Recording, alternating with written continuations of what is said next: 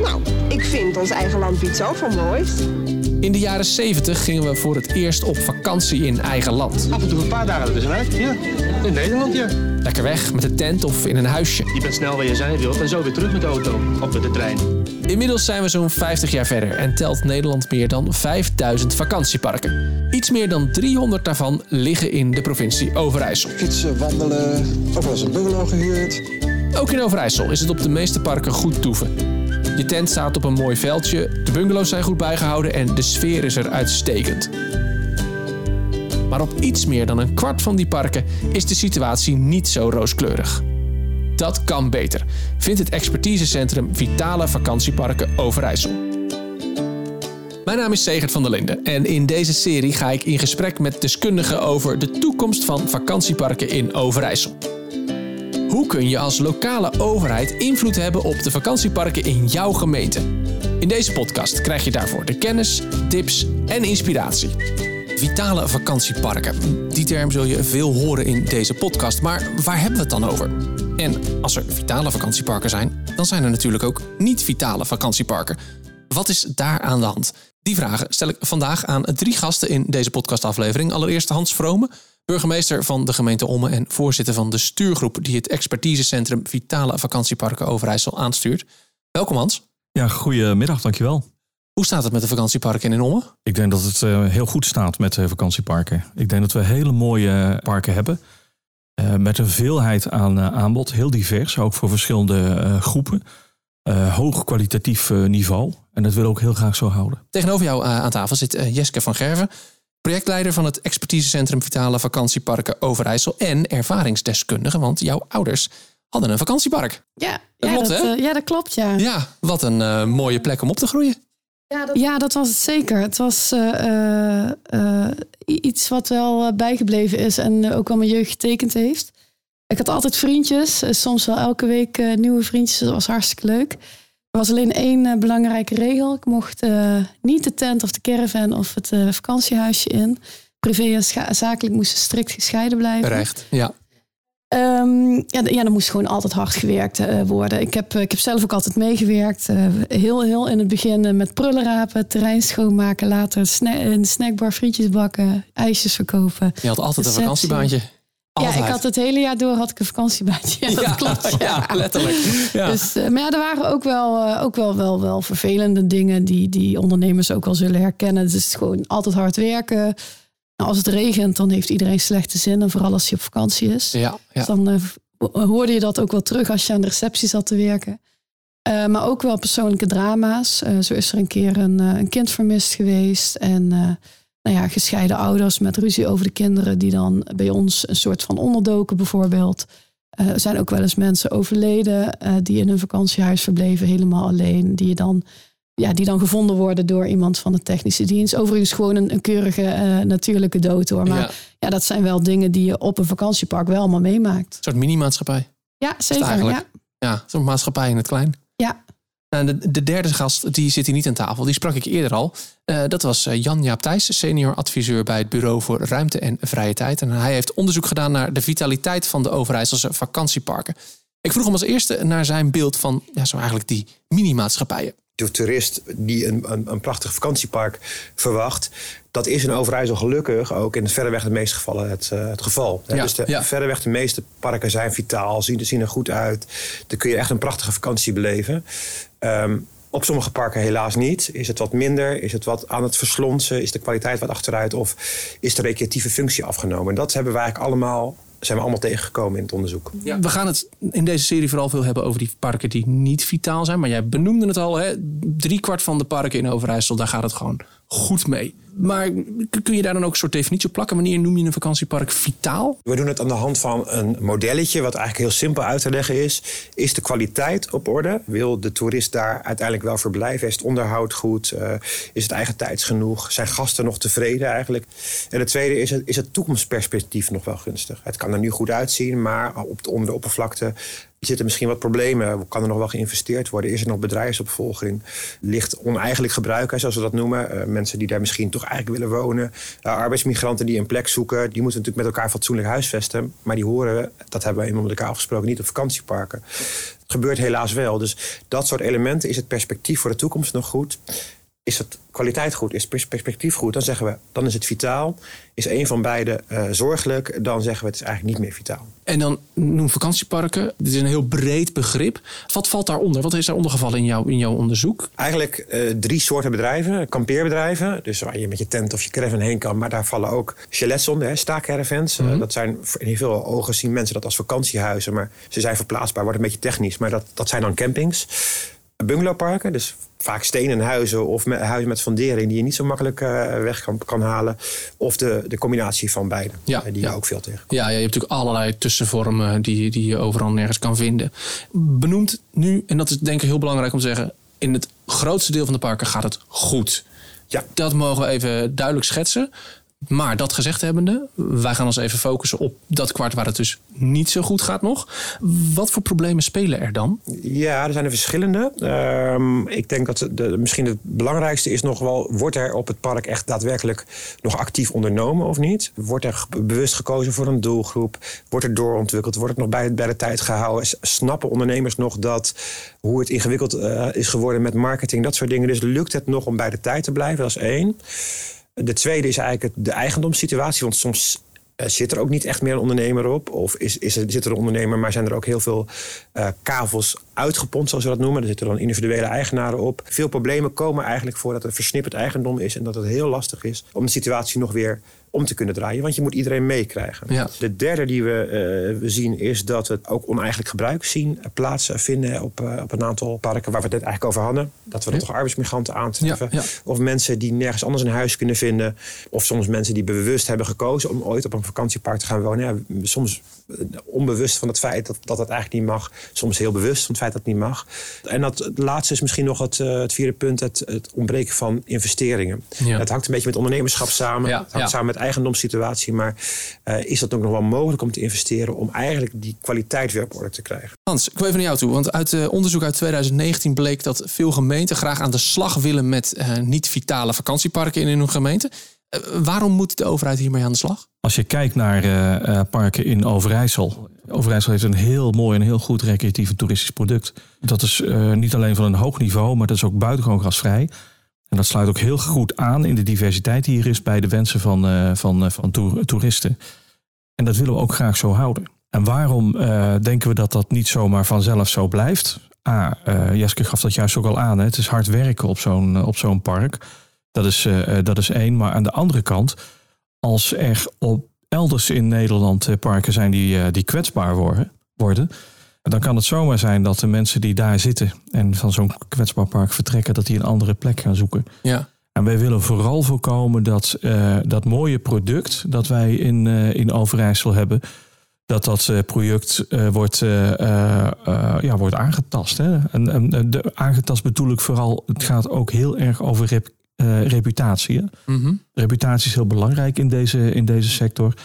En dat beeld, dat goede beeld zoals dat nu is, dat willen we ook graag overeind houden. Daar zijn jullie dus nu mee aan de slag. Onder andere met het expertisecentrum Vitale Vakantieparken in Overijssel. Mhm. Mm -hmm. um, wat, wat, is dan het doel? Is het doel dan inderdaad alleen maar dat beeld goed houden? Ja, eerder zei je al, als je vitale park hebt, dan heb je waarschijnlijk ook minder vitale parken. En dat is, dat is natuurlijk ook zo. Hè? Als het parken zijn waar uh, uh, enthousiaste ondernemers op zitten.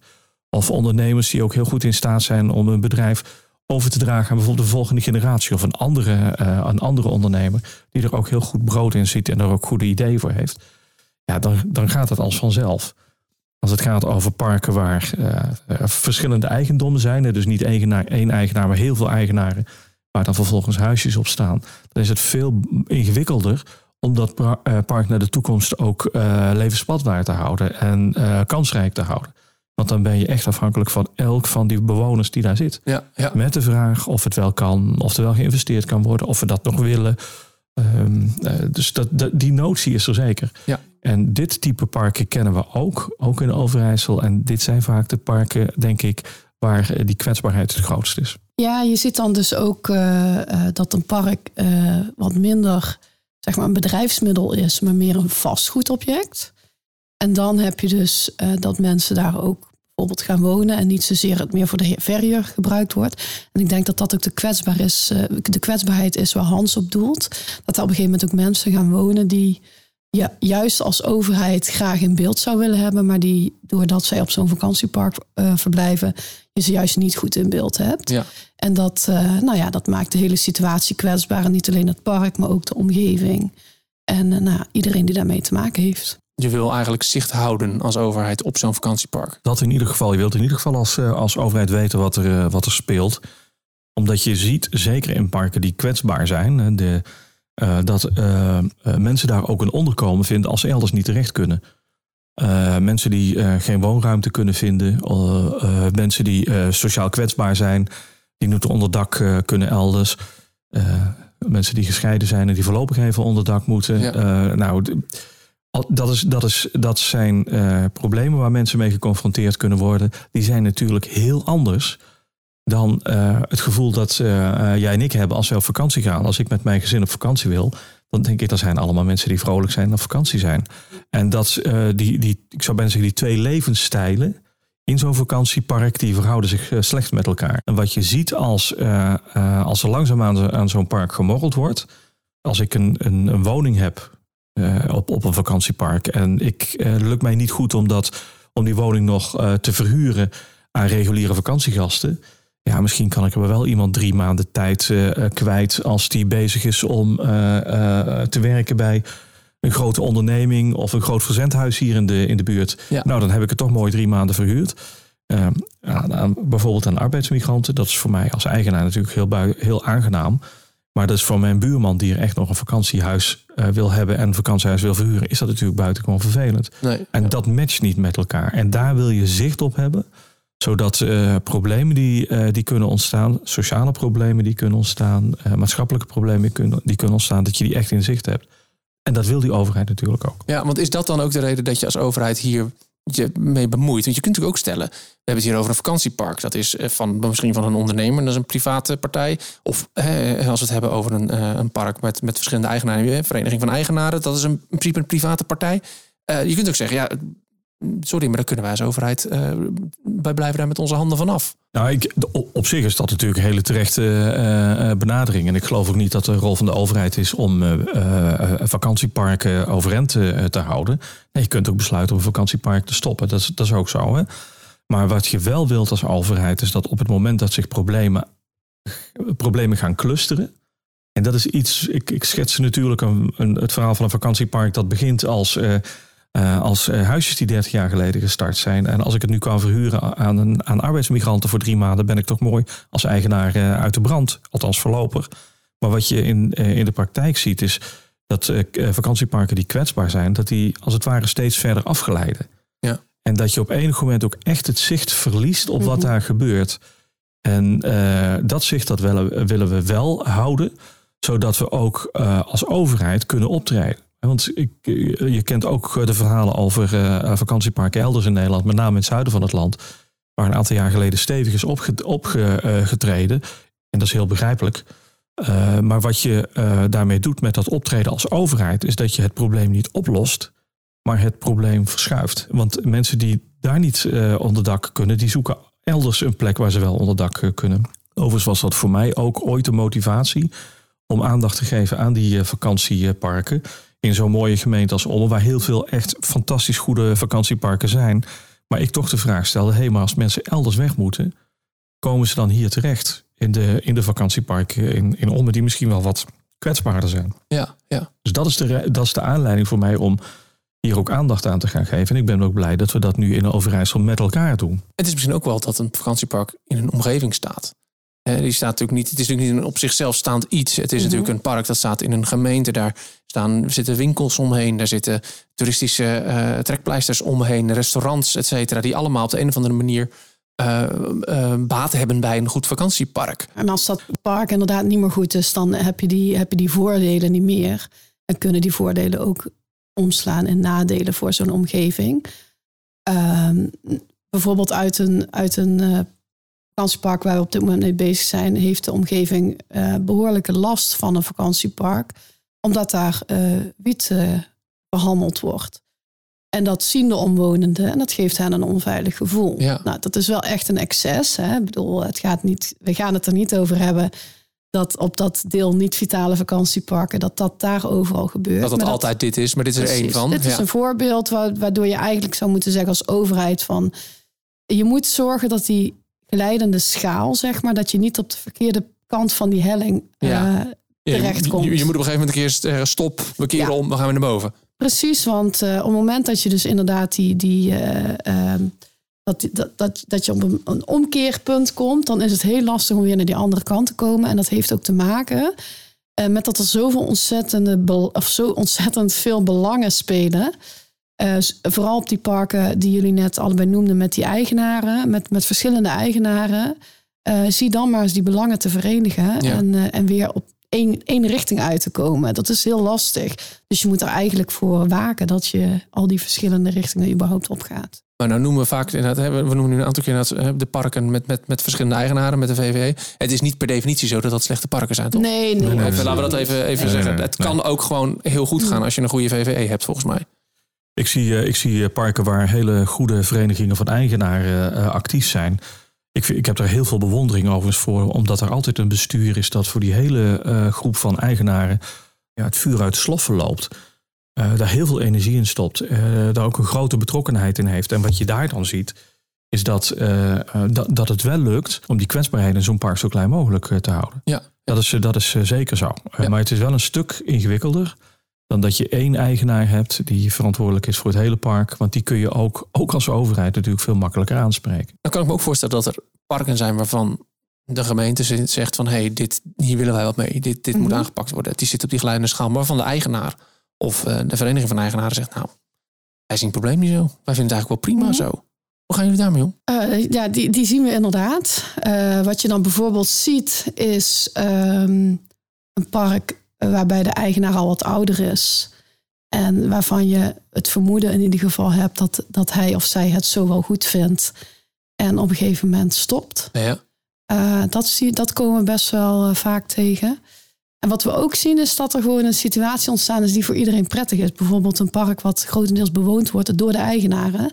En die dat eigenlijk ook graag willen handhaven. Soms zelfs willen legaliseren. Of in ieder geval gelegaliseerd zouden willen zien. Eh, die, die parken die zijn inderdaad best wel heel veel. Ehm, en wat je dan, ja, dan heb je eigenlijk twee, eh, twee mogelijkheden. Eh, het gesprek aangaan, dat is sowieso het altijd, het eerste wat je doet. Ehm, en daar helpen wij gemeenten dan bij. Dat doen wij nooit op eigen, op eigen initiatief.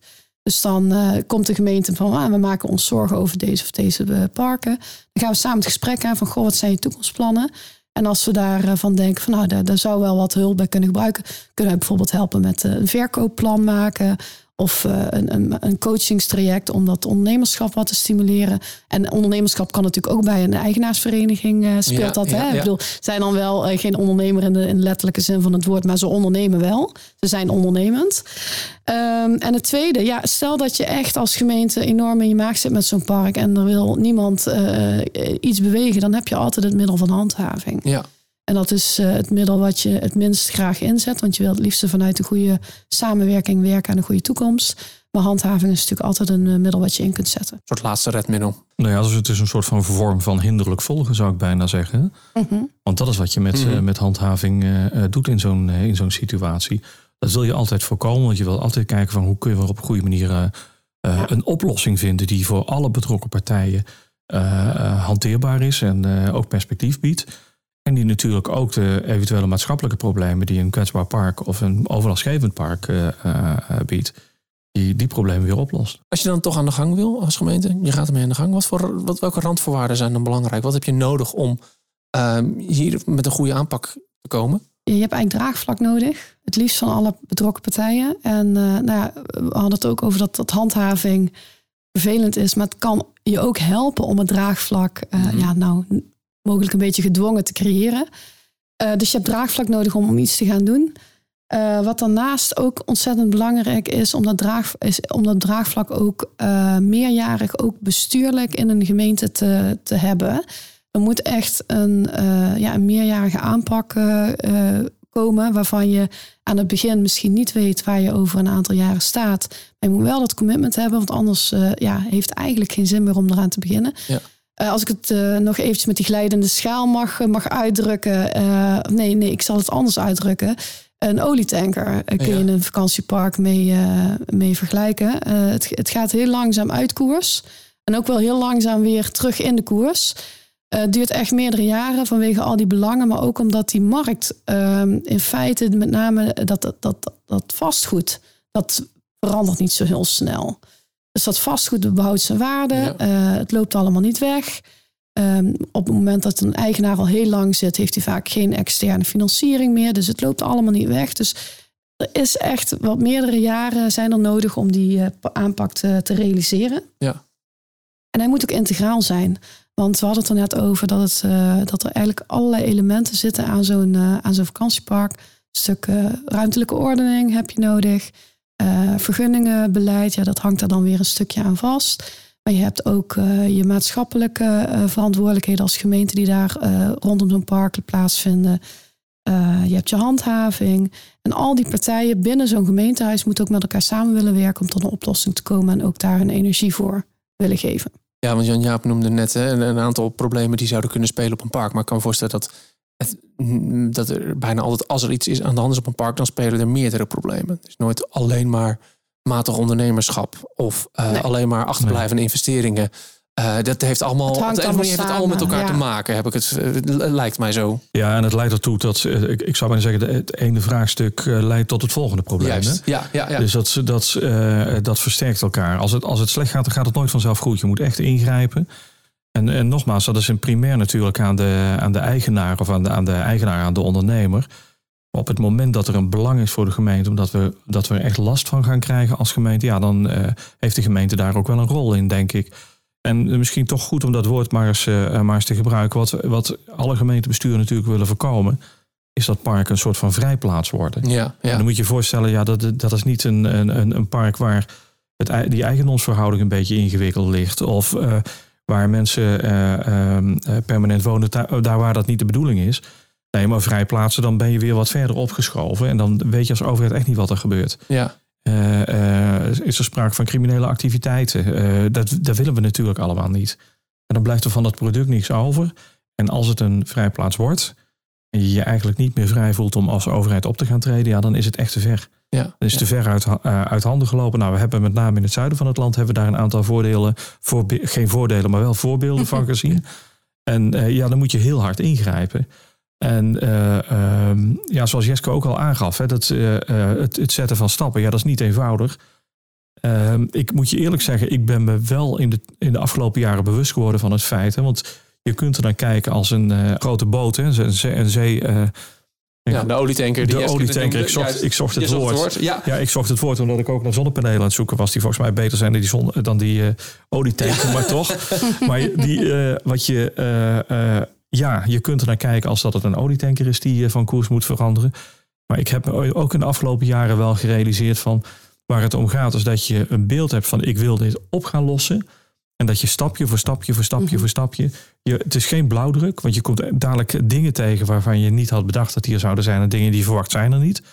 Maar je moet je wel de intentie hebben om stappen te gaan zetten. Dat moet je ook bestuurlijk goed verankeren. En dan stapje voor stapje gaan we dan, ga je daar naartoe werken. Ja. Anders wordt het niet hanteerbaar. Dat merken we ook wat Hans schetst. Dat merken we in onze aanpak op het moment dat we met de gemeente in gesprek zijn. En wat we om die reden ook doen, is uh, uh, inderdaad die bijvoorbeeld die kleinere stappen, zoals bepaalde randvoorwaarden. Die gaan we bijvoorbeeld eerst samen aanpakken. Zodat die een zeg maar, goed klimaat scheppen, om het zo maar te zeggen, om een verdere aanpak op te baseren. En dat, uh, volgens mij werkt dat heel erg goed. En dat, dat geeft ook een stuk comfort om goed voorbereid aan zo'n aanpak te beginnen. Is dat het eerste stapje? De randvoorwaarden goed zetten? Uh, ik zou zeggen, het eerste stapje is sa samen zeker weten dat je het wil gaan doen. Dat is echt zo'n ontzettend belangrijke stap.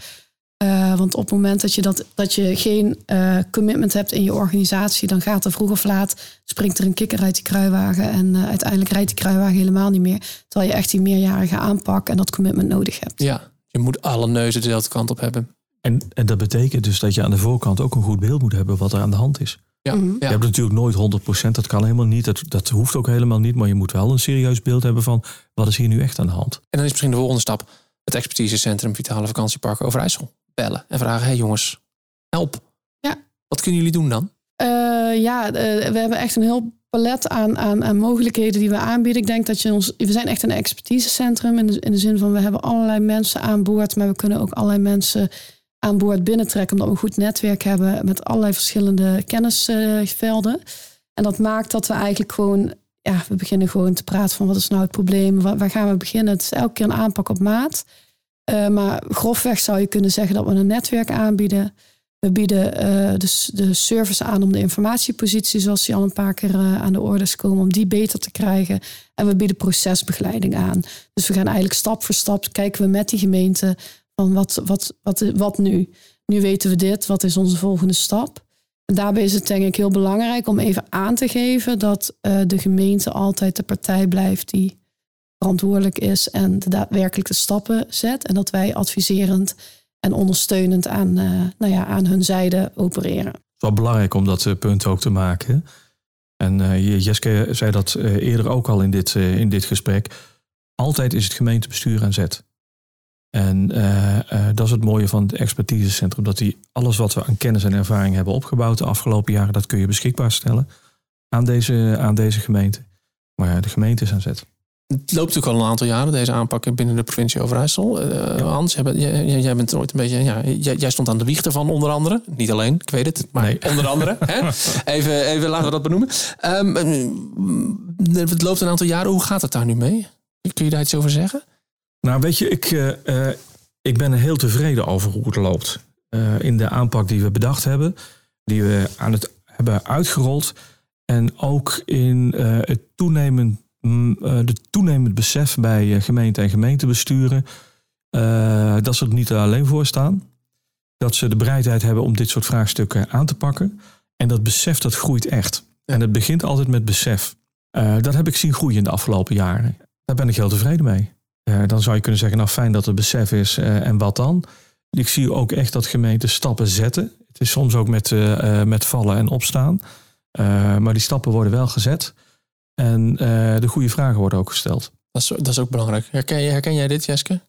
Eh, ja, zeker. Ik, eh, ik, ik sluit me wat dat betreft helemaal aan bij Hans. Dat, eh, je, het, begint echt met, eh, met het, het besef, het agenderen.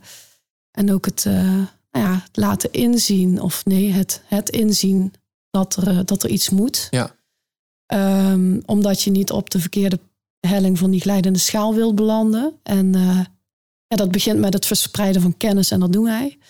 Ehm, en als je dan ook ziet, als ik dan eventjes eh, in mijn hoofd naga wat we concreet doen op de vakantieparken, dan zie ik echt een aantal vakantieparken of een aantal gemeenten op een aantal vakantieparken actief zijn waarvan ik denk, ja, dat gaat, dat is echt grote klasse. Het gemeentebestuur dat heeft het lef om een aantal dingen in te zetten. Eh, en dat is echt. eh, nou, eh, Kun je, ze voor, kun je ze een voorbeeld noemen, misschien zonder namen te noemen direct? Maar... ja, nee, ik zal inderdaad geen namen noemen. Ehm, maar dat is een gemeente die me nou te binnen schiet. En dat is, dat is een gemeente die best wel wat parken heeft waar veel gewoond wordt. Mhm. En die zijn een heel, nou, ik vind een heel keurig handhavingsbeleid aan het ontwikkelen.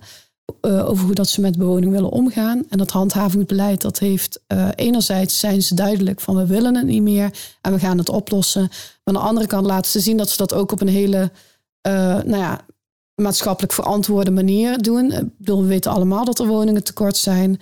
En we weten allemaal dat op het moment dat jij mensen nu uit een huis gaat zetten, dat dat, dat, dat ja, niet netjes is en, en vervelend uitpakt. Maar zij doen het op een hele nette manier door bijvoorbeeld een goede ehm, tijd te bieden om, eh, om voor die mensen om een nieuwe woning te vinden. Maar anderzijds ook in een woningbeleid eh, het een en ander te gaan doen om ruimte te maken voor die mensen die dus van die vakantieparken moeten vertrekken. Nou, dus ze hebben dat handhavingsbeleid. Tegelijkertijd zijn ze ook met de ondernemers in gesprek van nou, als deze mensen hier straks niet meer wonen, wat ga je dan met je park doen? En eh, nou, die twee dingen in elkaar grijpen, laten grijpen, dat, dat vind ik een heel mooi, eh, ja. Ja. hele mooie stap die ze daarin zetten. is ook een heel goed voorbeeld van hoe je een soort waterbedeffect voorkomt. Want hè, dat hebben we natuurlijk al een paar keer al Ja. kwam dat een beetje zijdelings ter Ja. sprake. Hè, van, hè, Hans, jij benoemde hè, problematiek die, die, in zuidelijke parken gespeeld heeft. Die wil je dan niet naar hier naar Overijssel krijgen als het even kan. Ja. Eh, hetzelfde geldt natuurlijk voor, hè, voor dit park. Als deze gemeente had gezegd, einde aan deze bewoning. Eh, zoek maar een ander plekje. Dan waren ze waarschijnlijk naar een andere gemeente vertrokken. Eh, hoe kun je zo'n soort, ja, dat waterbedeffect eigenlijk voorkomen hier? Want dat, dat niet in de ene gemeente het heel goed gaat, eh, waar de andere gemeente last van heeft. Nou, ik denk dat dat al begint met, met als gemeente met elkaar samen op te trekken. En dat doen we ook echt in Overijssel. Dat is ook de aanpak die we gekozen hebben. Wat ik ook zie is dat we in toenemende mate met, met de provincies om ons heen, bijvoorbeeld met Drenthe, ook met, met Gelderland samen aan het werk zijn, samen optrekken. Ervaringen ook, ook delen, informatie ook met elkaar delen. En op die wijze, eh, ja weet je, als je ergens gaat doen, er is, eh, eh, en het is een waterbed, er komt ergens, komt, eh, komt het water toch weer naar boven. Ja, hè? Want ja. dat, is het, dat is het charmante van het waterbed. En het ongemakkelijke. Maar wat je wel probeert is, zeker in de Overijssel... en ook zeker ook de provincies om ons heen... om dat zoveel mogelijk te voorkomen. En ook echt de samenwerking daar te zoeken. Als wij maatregelen treffen, welke maatregelen treffen jullie dan? En versterkt dat elkaar? En werkt dat elkaar, werkt dat elkaar niet tegen? Ja. Dus dat is eh, volgens mij het, het allerbelangrijkste dat je daarin eh, in kunt doen. En daar is ook het delen van die kennis... en het, het bieden van, eh, van informatie zo, is zo belangrijk. Ja, en heel concreet hebben, we dit, hebben we dit specifiek ingevuld door eh, twee eh, buurgemeenten. Die hadden allebei eh, last van eh, bewoning of last. Die willen er allebei wat mee. Allebei is eh, de bewoning behoorlijk eh, aanwezig op de parken, op de vakantieparken. De ene is een hele stedelijke gemeente en de andere een plattelandsgemeente. En zij hebben, ges- eh, ze hebben gezamenlijk een projectleider onder regie van het expertisecentrum aangesteld. eh, om gezamenlijk dat probleem aan te pakken. Waarmee ze dus eh, ja, echt die samenwerking opzoeken om te zorgen dat daar waar het zeg maar verdwijnt, de bewoning, waar de mensen een andere plek gaan zoeken, dat het niet in een andere gemeente inderdaad oppopt. Ja. Nou wordt er dus, hè, ik hoor een aantal goede voorbeelden. Er wordt in heel wat gemeenten wordt er, wordt er, wordt er gewerkt aan parken. Hoe borg je dit nou goed eh, voor de toekomst? uiteindelijk wil je natuurlijk dat de kennis en de expertise die er is, niet onderdeel is van een, eh, een projectorganisatie, maar eigenlijk onderdeel wordt van het reguliere werk eh, in gemeenten eh, en op het niveau van de provincie. Dat is natuurlijk wat je wilt. Hè? Ja. Dus eh, nou, dat is altijd een zoektocht. Hè? Eh, dat is een- ik zou bijna zeggen, dat is ook een beetje hoe wij in Nederland eh, eh, overheidsprojecten financieren. We maken er een project van, daar heb je geld voor. En is iedereen, iedereen vol energie bezig. En is het geld op en dan zakt het project ook in. Nou, dan ben je niet vooruit gekacheld, maar dan ben je achteruit geschoven in mijn beleving. Dus ik ga ervan uit dat we dat eh, met dit project op een andere wijze zullen doen. Dat we met dit project ook het perspectief naar de toekomst zullen krijgen. En eh, uiteindelijk ja, ook echt voor zorgen dat eh, bij gemeenten deze kennis en expertise beschikbaar is en benaderbaar is. Ja, dat is ook de reden waarom we veel investeren in kennis en ook in het eh, overdragen van kennis anders dan één op één. Dus we maken om, die reden handreikingen. Nou ja, deze podcast is daar onderdeel van. Ja, wij willen eigenlijk daarmee bereiken dat, dat die kennis gewoon continu doorgegeven kan worden. Je luistert naar de podcast Vitalisering Vakantieparken. Een podcast van het expertisecentrum Vitale Vakantieparken Overijssel. Mijn naam is Zegert van der Linden. Wil je meer weten over de onderwerpen uit deze aflevering? Kijk dan in de show notes of op expertisecentrumoverijssel.nl. Over twee weken staat er een nieuwe aflevering voor je klaar. Bedankt voor het luisteren en graag tot de volgende aflevering.